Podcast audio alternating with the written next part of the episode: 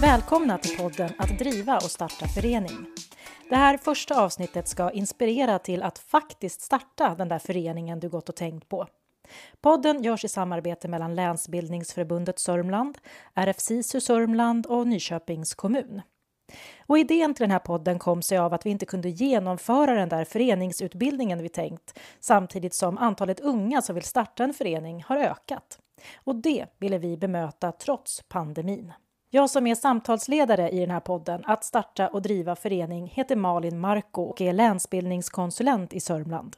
Till min hjälp så har jag tre mycket kompetenta människor som kan det mesta om det man behöver veta för att just starta och driva en förening. Vilka är ni? Maria Ståhl heter jag, eh, arbetar som idrottskonsulent på RFSISU Sörmland. Eh, I min roll som idrottskonsulent på RFSISU så jobbar jag med eh, länets idrottsföreningar. Eh, jag stöttar dem i eh, diverse frågor som, som dyker upp i, i föreningslivet. Det kan vara att styrelsen undrar hur, eh, vad som gäller kopplat till stadgarna. Eh, det kan vara ledare som vill veta hur vi ska bemöta våra barn på bästa sätt.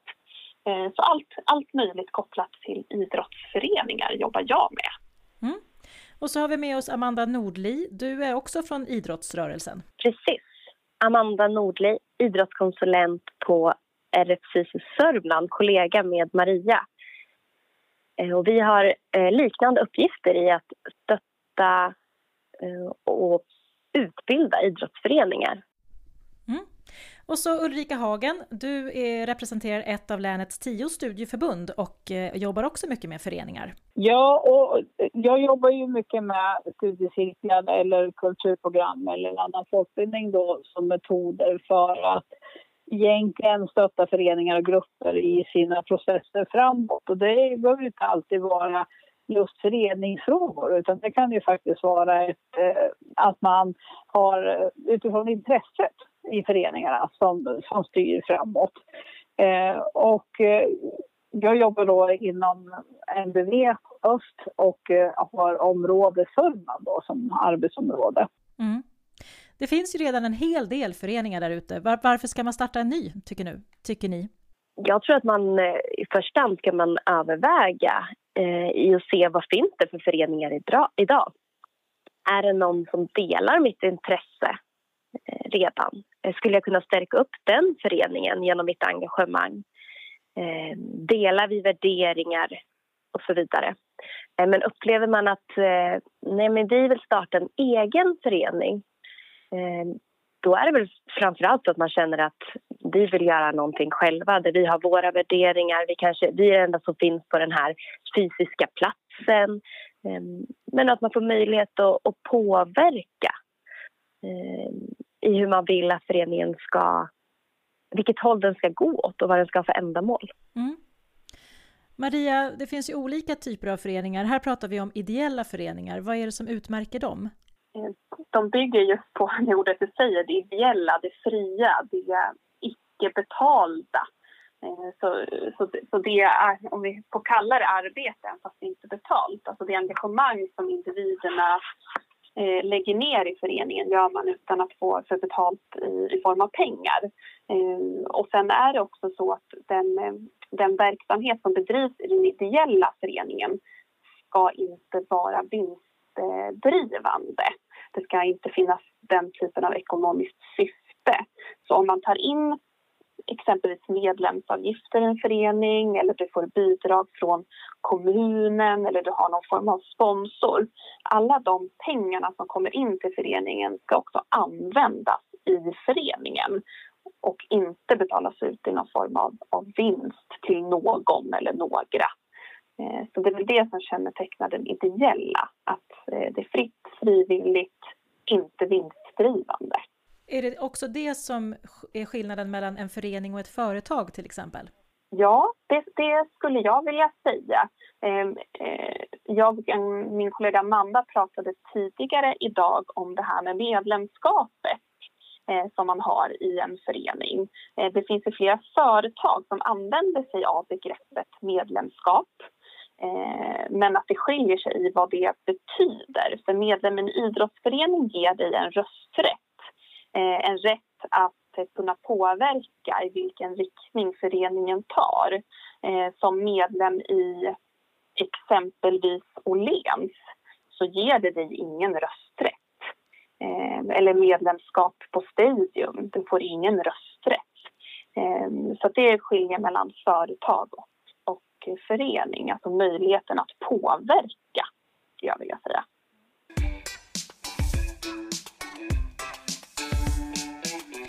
Och om man har bestämt sig då för att man ska starta den här nya föreningen för att man känner att det finns ingen som, som gör det som, som vi skulle vilja göra. Eh, vad kan man göra då, Ulrika, när man har en förening? Ja, alltså det är ju vilken väg... Alltså för det första behöver man ju sätta sig ner tillsammans, eh, de som är intresserade av att bilda föreningarna. Att eh, börja prata, vad är det vi vill och vad är det vi kan och hur gör vi? Men jag tänker också att man antingen tar kontakt med kommunen som eh, möjliggörare att eh, bolla idéerna eller att man kontaktar ett studieförbund eller SISU utifrån vilket intresse föreningen bygger på. Mm, och på så sätt kan man, kan man eh, liksom mm. formatera sig. Men om, om man har föreningen, kan man vara med och påverka då eller hur, hur jobbar era föreningar, Maria?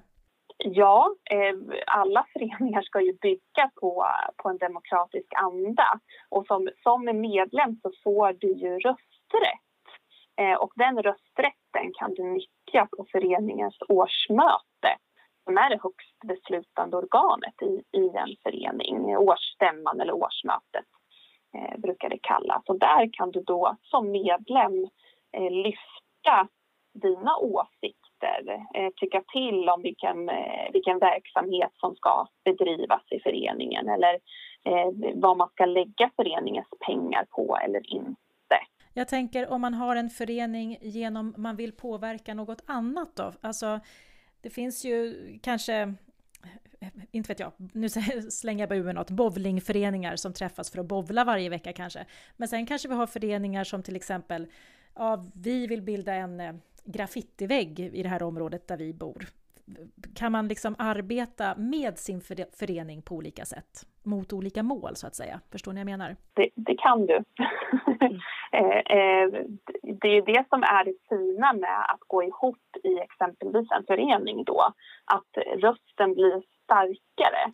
Till skillnad från om, om, om jag som enskild individ vill att det ska byggas en graffitivägg så kanske det är svårt att få min röst hörd. Men i och med att vi är många människor som går samman i en förening så, så blir det mycket troligare att vi blir lyssnade till.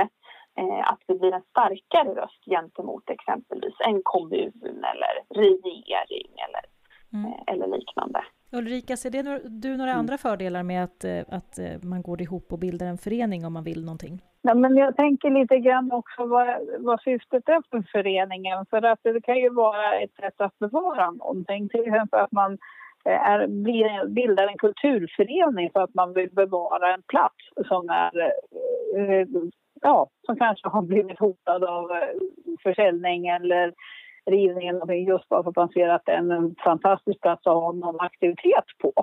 Eh, så mycket bygger ju egentligen på kraften. Vad, vad, vad går man samman kring och vad, vad är det man eh, driver och, och liksom...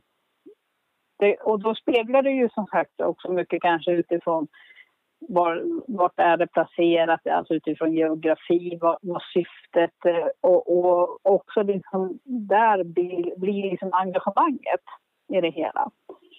Men jag tänker också att för att starta en förening så krävs ju, har man bara viljan och kraften så, så kommer man ganska långt. Sen är det ju som sagt att man behöver någonstans ha en dialog och, och liksom ha ett samtal eh, för att liksom komma till fundamenten sen. Liksom. Vad, vad vill vi och hur gör vi och vad gör vi och vem gör eh, i, i arbetet? För att det krävs ändå en hel del bitar på plats innan man kan säga att man är en förening.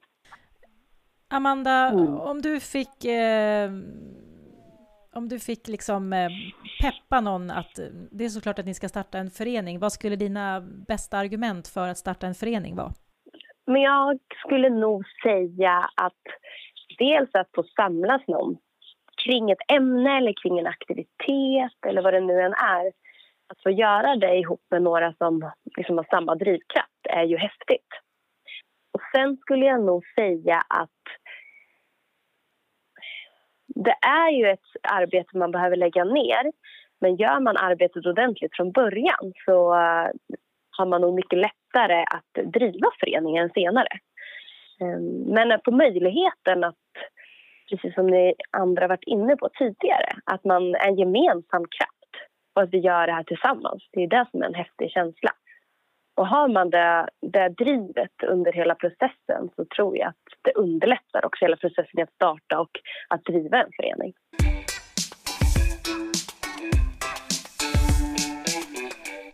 Ja, man brukar ju säga att, att eh, Sveriges, ja, föreningslivet startade ungefär samtidigt som demokratin, att det lite har gått hand i hand i Sverige. Är, är det speciellt med, med föreningar och Sverige, Ulrika?